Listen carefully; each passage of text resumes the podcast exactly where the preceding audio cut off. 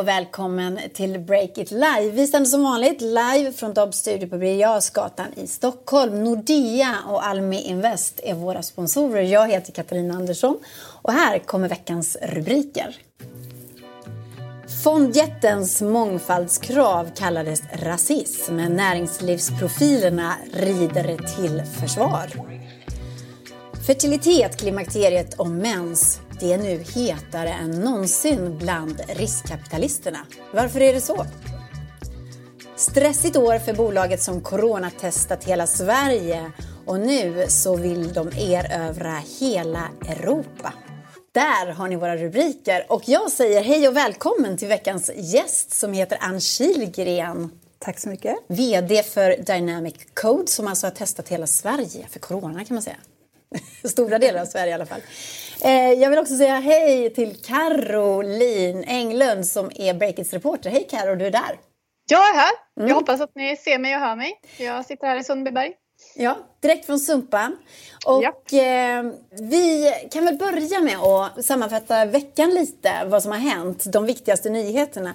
Igår så svors ju Joe Biden in som USAs nya president och Donald Trump, han hade sin sista dag på jobbet och sen så satte han sig på ett flygplan till Florida och drog iväg på Air Force One för allra sista gången. Men Ann, följde du den här ceremonin på TV? Inte hela, Nej. delar av den. Och jag satt eh, klistrad såklart. Jag tycker det där är skitspännande. Och nu plingar min dator här också. Det var inte så smart att ha ljudet på. Men eh, i alla fall, eh, när det här presidentbytet ägde rum så tog techbörsen ett glädjeskutt uppåt. Och man kan ju undra då, Karo, varför gjorde den det? Är Biden en bättre techpresident än Trump? Alltså Biden har ju också varit ganska hård mot eh, de här techjättarna så det, det kanske inte är så att han är snällare mot dem än vad Trump har varit. Men däremot så är ju Trump ganska oberäknelig. Han kan ju häva ur sig vad som helst på Twitter och man vet aldrig riktigt vad man har honom. Medan Biden verkar vara lite mer liksom stabil eh, mm. om man underdriver. Då. Så då vet man ju att börsen gillar ju inte oberäknelighet så det kanske är bättre att ha en eh, stabil kille än en eh, som eh, man inte vet vad man har riktigt. Mm. Anne, vad tycker du alltså som tech-entreprenör själv? Har du hellre eh, Biden i Vita huset än Trump? Spontant, ja. Mm. Och just för att, vad då? För att han är så oberäknelig? Eh, ja, alltså det blir större öppenhet känner jag. Ja. Mm. Och det där pratar ju EU väldigt mycket om i veckan också.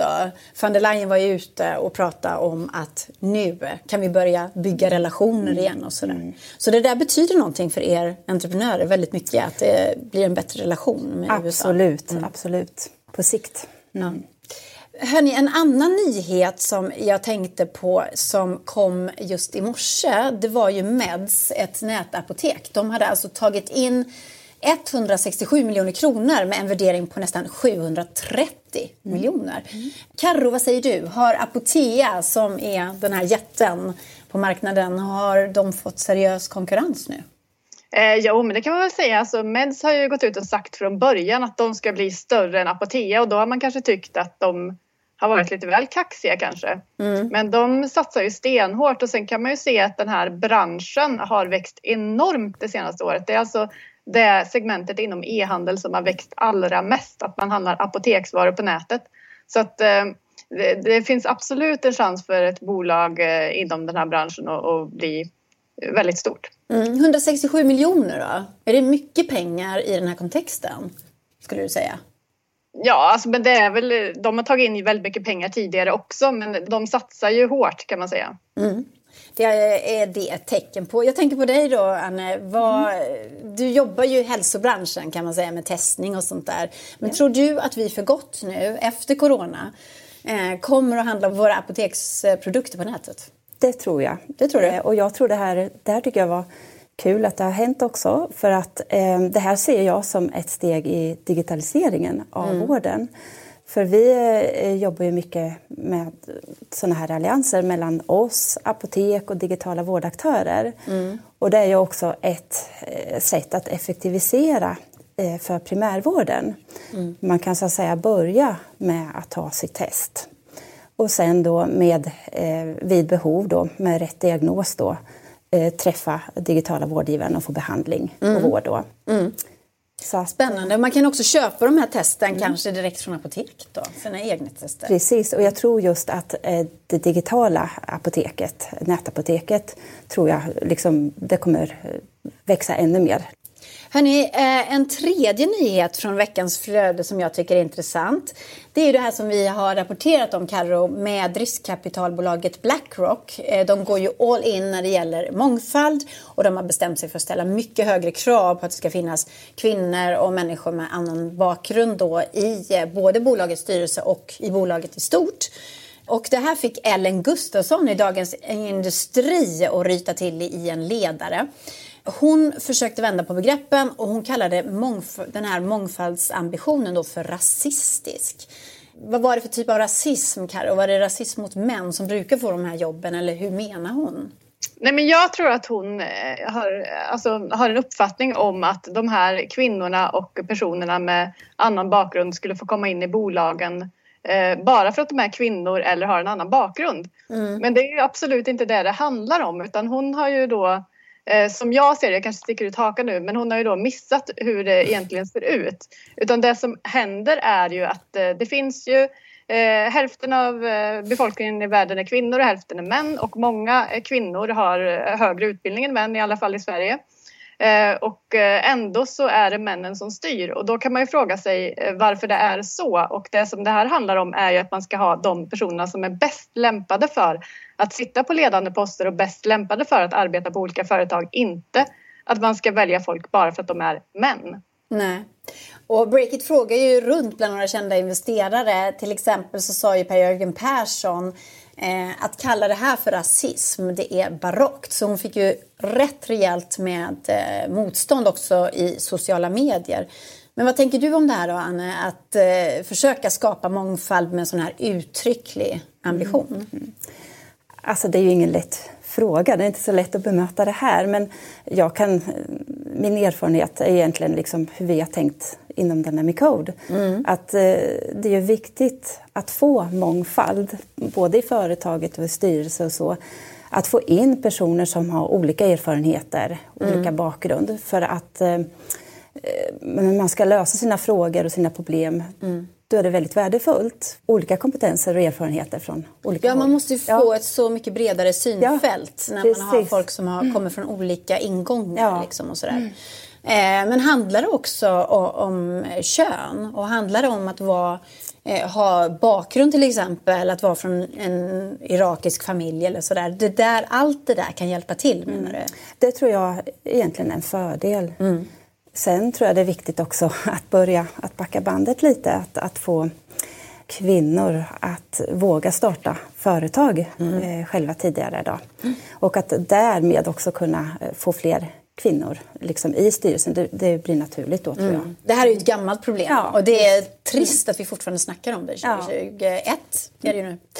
Eh, men om du har ett konto på Twitch eh, eller vill fråga någonting, för Anne kommer vara med eh, hela programmet och i slutet av programmet så släpper vi in alla tittare som, som vill ställa frågor till Anne.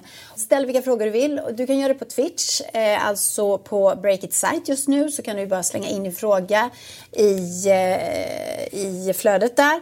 Eller så kan du leta upp Breakit på våra sociala medier. Breakit se till exempel på Instagram. Och så kan du bara skicka en fråga i meddelandet där till oss. Nu så ska du få spana Carro, hur känns det? Det känns så bra. Ja. Jag är väldigt peppad på det här. Och det ska handla om klimakteriet, det ska handla om fertilitet och det ska handla om mens. Ganska eh, ovanliga frågor kanske som vi inte pratar jättemycket om på breaket. Men det här, alltså klimakteriet och mens, det är faktiskt vad riskkapitalisterna snackar om just nu. Och du har ju grävt i det här Carro, du har pratat runt med ett helt gäng svenska investerare och du har alltså hittat en bransch på frammarsch. Så berätta mer, vad handlar det här om?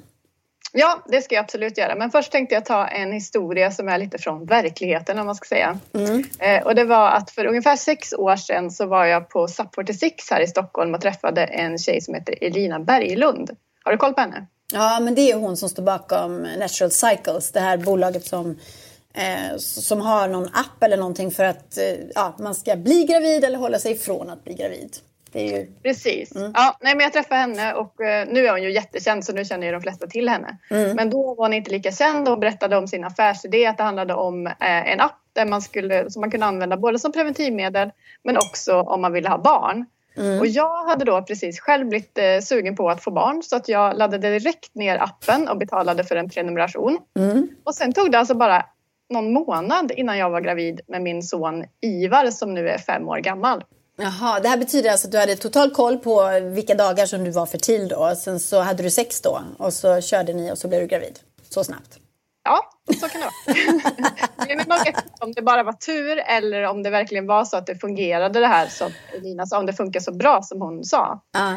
Eh, och sen har jag inte liksom vågat använda det här som preventivmedel för jag är ganska slarvig av naturen och så. Mm. Man måste mäta sin temperatur vid samma tid varje dag. Eh, så det är inte riktigt min grej. Men däremot är det många andras grejer som är lite mer ordningsamma och eh, den här appen har ju nu 1,8 miljoner användare i 162 länder. Och eh, man kan säga att Natural Cycles är ett av de mest kända bolagen inom det här segmentet Femtech eh, som jag då tänkte spana om idag. Mm. Femtech, det är lite nytt ord för mig i alla fall. Men, men vad är det här? Femtech? Ja, men det här ordet myntades kan man säga då, eh, 2015 av en kvinna som heter Ida Tinn och kommer från Danmark. Och hon har startat en mensapp som heter Clue Mm. Eh, och det betyder alltså eh, digitala lösningar, tech som eh, hittar lösningar som är kopplade till kvinnors hälsa mm. framför allt. Det kan handla om fertilitet, klimakteriet, graviditet eh, och eh, en massa andra saker som är liksom kvinnorelaterad hälsa. Mm. Jag tänker det här med, det här med mens började vi prata om, alltså inte för superlänge sedan. Alltså, det betecknas ju nästan som lite äckligt. Klimakteriet är ju ännu värre. Det är ju, det är ju så här gamla kärringar som jag och sådär som hamnar i det. Så att det, det finns ett stigma kring, kring det här som är så typiskt kvinnligt som, som mens och klimakteriet och så. Eh, varför dras riskkapitalisterna ändå till de här ämnena så att säga? Ja, men man har ju börjat snacka om det lite mer nu. Alltså, Clara Henry körde ju ett sommarprat här för något år sedan där de bara pratade om mens och det har varit en serie på SVT om klimakteriet och Jämställdhetsmyndigheten eh, skickade ju en halv miljon för att eh, menscertifiera olika arbetsplatser för några år sedan vilket i och för sig orsakade ramaskri men, men det, det snackas ju mer om det nu kan man mm. säga. Ja. Eh, menscertifiera sina bolag. Ja, har, vi, har vi gjort det på Breakit? Ja, vi får väl satsa på det. Men det, det, var ett techbolag faktiskt som var först ut. Eh, vad heter det? Forza Fotboll som vi har haft med här i podden tidigare. Ah. Så det var först ut. Och det men, innebär eh, alltså när man menscertifieras, ursäkta mig jag gör en liten utvikning här, men vad innebär det? Alltså att man... Eh, ja, men det handlar väl om att man utbildar eh, anställda på bolaget och ledningen om eh, vad det kan innebära att ha mens och PMS och att de får en större förståelse kring det. Mm. Och kanske tamponger på toaletten på företaget och sådär. Men Eh, Okej, okay. fortsätt med det här med, med riskkapitalisterna och varför de är så intresserade där då. Ja. Eh, nej men alltså det här är ju att många riskkapitalister är ju medelålders män och i, liksom, historiskt sett så har man kanske gått sig själv och liksom inte funderat på att man behöver en lösning för klimakteriet. Liksom. Eh, men nu när jag har gjort research så har, har jag liksom pratat med massor med olika investerare och också sett att den här branschen har liksom växt eh, och att riskkapitalisterna har satsat mer och mer pengar på det. Om man bara ska ta några siffror.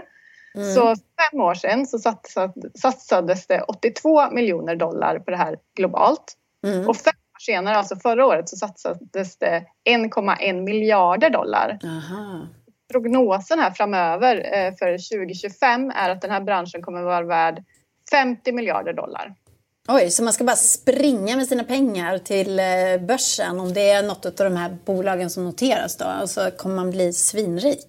Låter det som. Ja, nu är, mm. branschen är ju fortfarande, alltså man kan ju tänka att det har ju ökat från låga nivåer och branschen är fortfarande liksom i sin linda skulle jag kunna säga. Mm.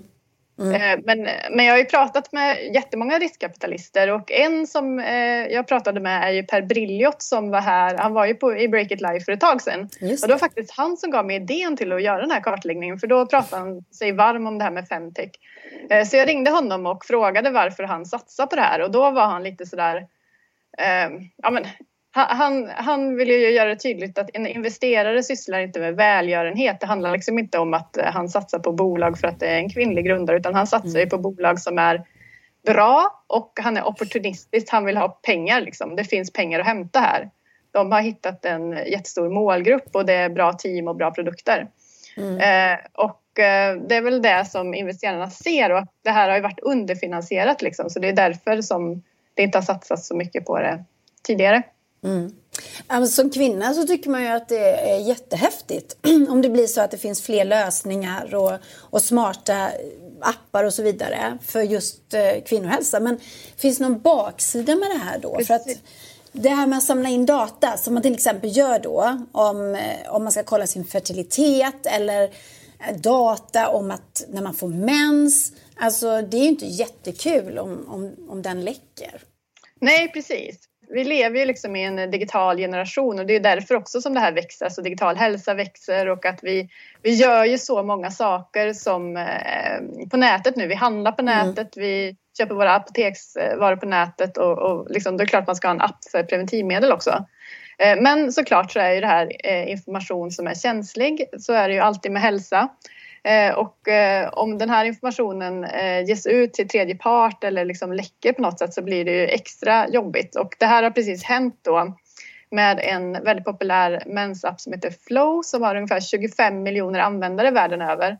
Mm. och det, de hamnade i rejält blåsväder nu när Wall Street Journal avslöjade att de hade läckt data kring när användarna hade mens eller ville bli gravida till exempelvis Facebook då som sen kunde eh, använda det i, i, ja, när det kommer till marknadsföring. Oh, det är ett skräckscenario ju, liksom att man försöker bli gravid och så, så ramlar det in massa sådana här graviditetsannonser. Det är det där storebror ser dig-läskiga som kan hända. För att jag tänker, eh, Anne, du håller ju på med också väldigt känslig data i, i coronatestning. Ja. Det är ju inte alla som vill att andra ska veta och det blir ju otroligt känsligt. Det skulle bli total skandal. Absolut. Så att det måste ju vara någonting du är rädd för, att den där datan ska läcka. Ja, och eh, det, har ju vi, det är därför vi kör med vår modell, att det är en analyskod som du måste ha för att få fram ditt testsvar. Mm. Mm. Mm.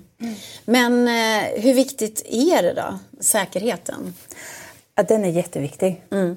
Det är A och O i det vi håller på med det är på det sättet man kan bygga förtroende och eh, det här med hälsa och få kontroll över sin egen hälsa och man kan lita på ett testsvar och så, det är ju oerhört viktigt. Mm. Mm. Däremot kan det ju vara så här att man kanske frivilligt vill dela med sig av resultatet, eller hur? Absolut. Och, och hur kan vi veta att det är si eller så många som har blivit smittade? Då måste ju folk ändå dela med sig på anonym nivå, eller? Jo, men det går ju att lösa på anonym nivå mm. och, också. Så mm. att eh, men sen håller jag med, dig, det är en helt annan sak om man gör det på frivillig basis. Det får ju inte vara som du sa nyss, det här att storebror ser, alltså det är ju, det är ju jättefarligt liksom. Mm. Och Karo, den datan kan vara jätteviktig också i, i hela femtech-branschen. Alltså få så mycket data om kvinnokroppen, om fertilitet och, och mens och så vidare. Så vad finns det för framtid för den här branschen då? Eh, nej men jag tror verkligen att vi kommer se fler investeringar i, den här typen av bolag och i Sverige då, alltså de siffrorna jag pratade om förut när det hade liksom växt explosionsartat så är det globalt sett. Här i Sverige så har det inte skett så många investeringar än. Men jag har alltså pratat runt med jättemånga eh, riskkapitalister och jag tror att det kommer ske ganska många investeringar redan det här året. Mm. Eh, och sen en annan eh, lite rolig utveckling som eh, en eh, investerare nämnde för mig var att eh, nu, är, de här produkterna är ju nu riktade mot konsument, liksom, att, eh, att man betalar med en prenumeration eller att man eh, får liksom, reklam till sig själv. Men hon trodde att marknaden för den här typen av produkter som riktar sig till arbetsgivare kommer att växa. Mm -hmm. Alltså att det här blir en personalförmån som ett friskvårdsbidrag. Att du får liksom, när du jobbar på Breakit får du också en klimakterieapp. Liksom. Ja på köpet. Ja, men det, eh, det är ju, då är det ju enorma möjligheter med så många kunder. Då finns det mer pengar liksom ja. att hämta. Ja. Och det finns ju redan bolag som jobbar med det här så det finns redan på marknaden. Mm. En fråga är ju också hur värdefulla de här produkterna faktiskt är. Du berättade ju tidigare om Natural Cycles och att du hade slutat använda den för att man måste vara så himla noga då med att ta sin temp en viss ett visst klockslag varje dag och så vidare. Och mycket av det här bygger på säkert manuell inmatning av data också. Så, där. så kommer det vara eh, en, en bunt liksom produkter som, som är roliga att använda i början och sen så Sen tröttnar man lite för att det är för jobbigt helt enkelt. Både ja och nej. Alltså många använder ju verkligen de här produkterna. Och så, så det, men, men däremot så finns det ju en utveckling här. att Elina Berglund har ju snackat om att eh, hon vill koppla ihop sin teknik med wearables. Alltså att man istället för att mäta sin temperatur varje morgon med en termometer ska ha en liten ring på fingret som bara mm. mäter temperaturen automatiskt.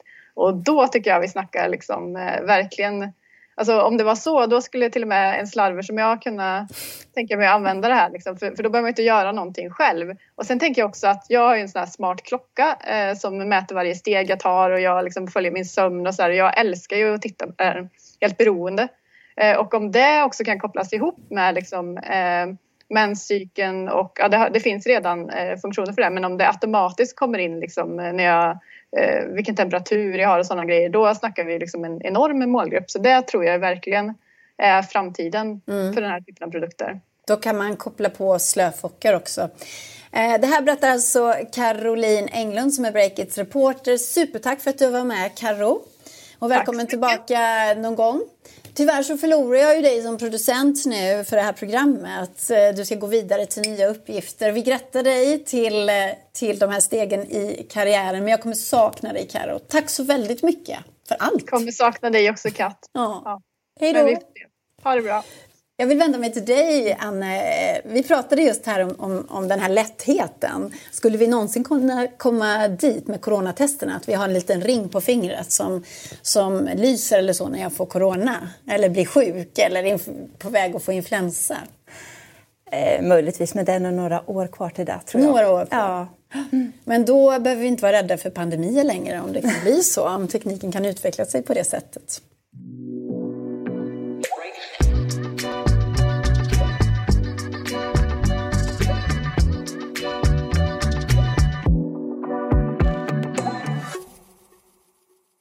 Vad är du egentligen värd? Det är ju frågan som ska besvaras när man gör en exit.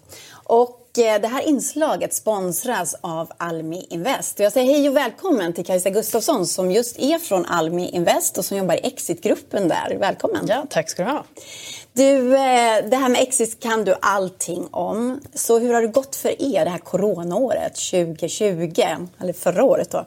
Ja men exakt, det har faktiskt gått bättre än vad vi trodde. Det var ju mycket snack där under första halvåret förra året om att just exitprocesser kanske kommer ligga nere och vänta på framtiden och sådär. Mm. Det handlar ju väldigt mycket om timing när man ska ut och sälja sitt bolag. Ja och väldigt mycket snack om hur krisigt det är i väldigt exakt. många branscher. Exakt. Så vad hände? Ja, nej, men eh, vi har faktiskt haft ett eh, ganska bra exitår skulle jag säga. Vi har gjort eh, ett antal ordentliga sådana trade sales när vi har sålt då hela bolag till nya ägarkonstellationer mm. och vi har gjort eh, åtminstone tre exit där vi verkligen har fått mer då än fem gånger pengarna tillbaka. Så det är ett ganska bra år för oss skulle jag säga. Oj, eh, vad händer sen, då när man får liksom fem gånger pengarna tillbaka? Ja, men då, då eller? Det kan det säkert bli den som var inblandad just där. Det blir i alla fall glada hejarop och eh, liksom peppande mejl som går runt i eh, organisationen. Vilken skulle du då beteckna som den bästa exiten som ni har gjort? Eh, under förra året så gjorde vi en riktigt bra exit i somras i ett eh, biotechbolag som heter Cartana. Mm. Som vi sålde till ett noterat amerikanskt eh, biotechbolag. Mm. där gjorde vi sju gånger pengarna och bolaget såldes totalt för ungefär 400 miljoner kronor. Mm. Sju gånger pengarna? Ja, ja så det, är riktigt, bra. Fantastiskt. riktigt bra. Och man behöver ju några sådana exits för att liksom väga upp man ska säga, hela portföljen. För alla bolag går ju inte, inte så bra. Då. Jag tänker mig en exit som en trekant. Alltså mm. vi har eh, grundarna till bolaget. Vi har investeraren, som i ert fall då mm. Alminvest. Och så har vi den som ska köpa. Mm. Och alla de här tre måste ju vara väldigt överens i en exit. Ja. Vad ska man eh, tänka på då? Eller vad är det som skaver här, skulle du säga? Ja, det finns ju flera saker där och du har helt rätt. Alla måste ju vara överens. Eh, och man kan ju kanske tro att det är lätt att eh, grundarna och investerarna som då sitter på samma sida bordet i det här fallet alltid mm. är överens. Men så, så är det ju inte heller.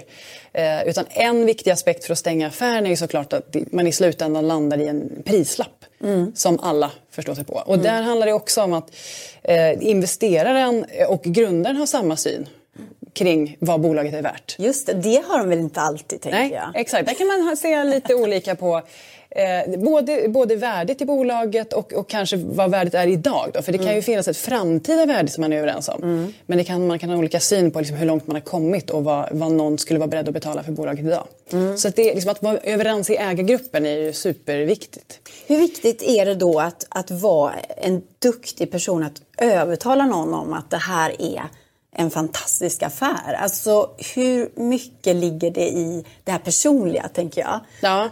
Alltså för det, det, ja. för det finns ju ett värde som man skulle kunna kanske kunna räkna fram på någon matematisk modell eller. Absolut. Sällan i de här tidiga bolagen dock. Mm. För det, alltså, större bolag, mer mogna bolag säljer man ju ofta så. Mm. kan ju räkna på multiplar och hur, vad man har för kassaflöde. Men det går ju inte de här tidiga bolagen. Och då finns det absolut en aspekt i att kunna liksom sälja in, som du är inne på, och förklara sitt värde. Mm. Men det är absolut inte hela vägen. För det finns exempel på där man har varit kanske lite för bra för att sälja, på att sälja in då i de första mötena. Åh, vi kommer ta över världen mm. av den och den anledningen. Och sen när, när eh, köparen då kommer in och granskar och tittar lite grann var bolaget egentligen står och var, vart man kan nå så att säga. Mm. Då stämmer den bilden inte riktigt överens. Så man, man vill sälja men det ska finnas en substans bakom det så att man kan backa upp det man säger. Mm. Hur mycket hjälp tycker du att man behöver som grundare om man är en riktigt duktig entreprenör? Mm. Är man också väldigt duktig på att förhandla inför en exit? Ja, det behöver man absolut inte vara. Eh, man är ju en väldigt viktig person i försäljningsprocessen såklart eftersom kunskapen och eh, grunden till bolaget finns hos den personen. Mm. Men eh, dels behöver man inte ha erfarenheten och kompetensen av att sälja bolag. Och framförallt så behöver man ta hjälp också utifrån att det tar en massa tid och kraft att genomgå en försäljningsprocess. Mm. Hur då menar du? Det tar, det tar tid att, att planera, att, att förbereda sig, att samla data, se till att man har liksom ordning och reda på alla ekonomiska rapporter och så vidare som, som de här köparna kommer att fråga efter. Mm. Och då, den största farhågan egentligen med ett litet bolag som ska säljas det är att grundare, VD, alltså de absoluta nyckelpersonerna mm. i bolaget lägger för mycket tid på försäljningsprocessen och fokuserar för lite på verksamheten. Mm. Så att man, det, det, går några månader av för mycket fokus på annat och så kanske man tappar någon kund eller liksom ja. förlorar värdet i själva grundbolaget för att man fokuserar för mycket. Då är det mycket bättre att ta in hjälp av sådana som förstår processen, kan styra upp den och lite händer och fötter som får det att hända. Ja, men då måste man ju ta in rätt folk. Ja. Finns det folk som är helt nischade på just det här då? Absolut, ja, men det finns ju många. Det mm. finns många. Och det finns eh, stora eh, lådor som jobbar bara med liksom, ma processer såklart. Och de mm. passar sig ju inte alltid i, sam- i alla sammanhang. Mm. Eh, så man kan fundera lite. Man kanske behöver en eh, processorienterad person som håller ihop det. Mm. Den kan ibland finnas internt i styrelsen. Mm. Men man kan behöva köpa in lite mer juniorhjälp som eh, ställer samman liksom, ekonomisk data och sånt där till exempel. Eh, lite ja, det, det, det, det, det låter liksom. lite som att välja frisör ungefär, man måste ja, men, träffa rätt. Ja, precis. Och där får man fundera då återigen på hur, hur, hur, stort är värdet i det här bolaget och hur stor blir försäljningsprocessen? Mm. Så hur, hur värt är det för oss att liksom betala dyrt då eventuellt för en rådgivare? Det är inte alltid det man behöver göra. Mm. Jurist behöver man dock alltid. Det är mycket man behöver här Kajsa. behöver man, ja. Men om jag ska sammanfatta det du pratar om här mm. då så är det alltså man ska vara överens ja. i ägargruppen ja. Eh, och den som ska sälja då. Man ska ta hjälp och inte tro att man kan göra allting själv. Absolut. Och så ska det vara ordning och reda ja. allting. Ja, det vill man inte falla på. Nej. Det är pinsamt om det skulle vara slarv eller något som kommer fram för då liksom tappar köparen ju såklart förtroendet mm. för bolaget. Så att, eh, till sist måste jag bara fråga dig då den här sportfrågan. Hur känns det då när allt är klappat och klart när du har varit med och ett av era bolag har gjort en lyckad exit? Ja, men det, känns ju, det är ju bästa dagen. Liksom. Det är riktigt kul och glatt. Och som sagt, vi peppar varandra på kontoret och det känns jättebra. Och framförallt är det liksom en genuin glädje för de här grundarna som har lyckats sälja sitt bolag. Så det, det, är dit man vill nå. Liksom. Mm. Tusen tack för att du kom hit och berättade Kajsa Gustafsson från Almi Invest.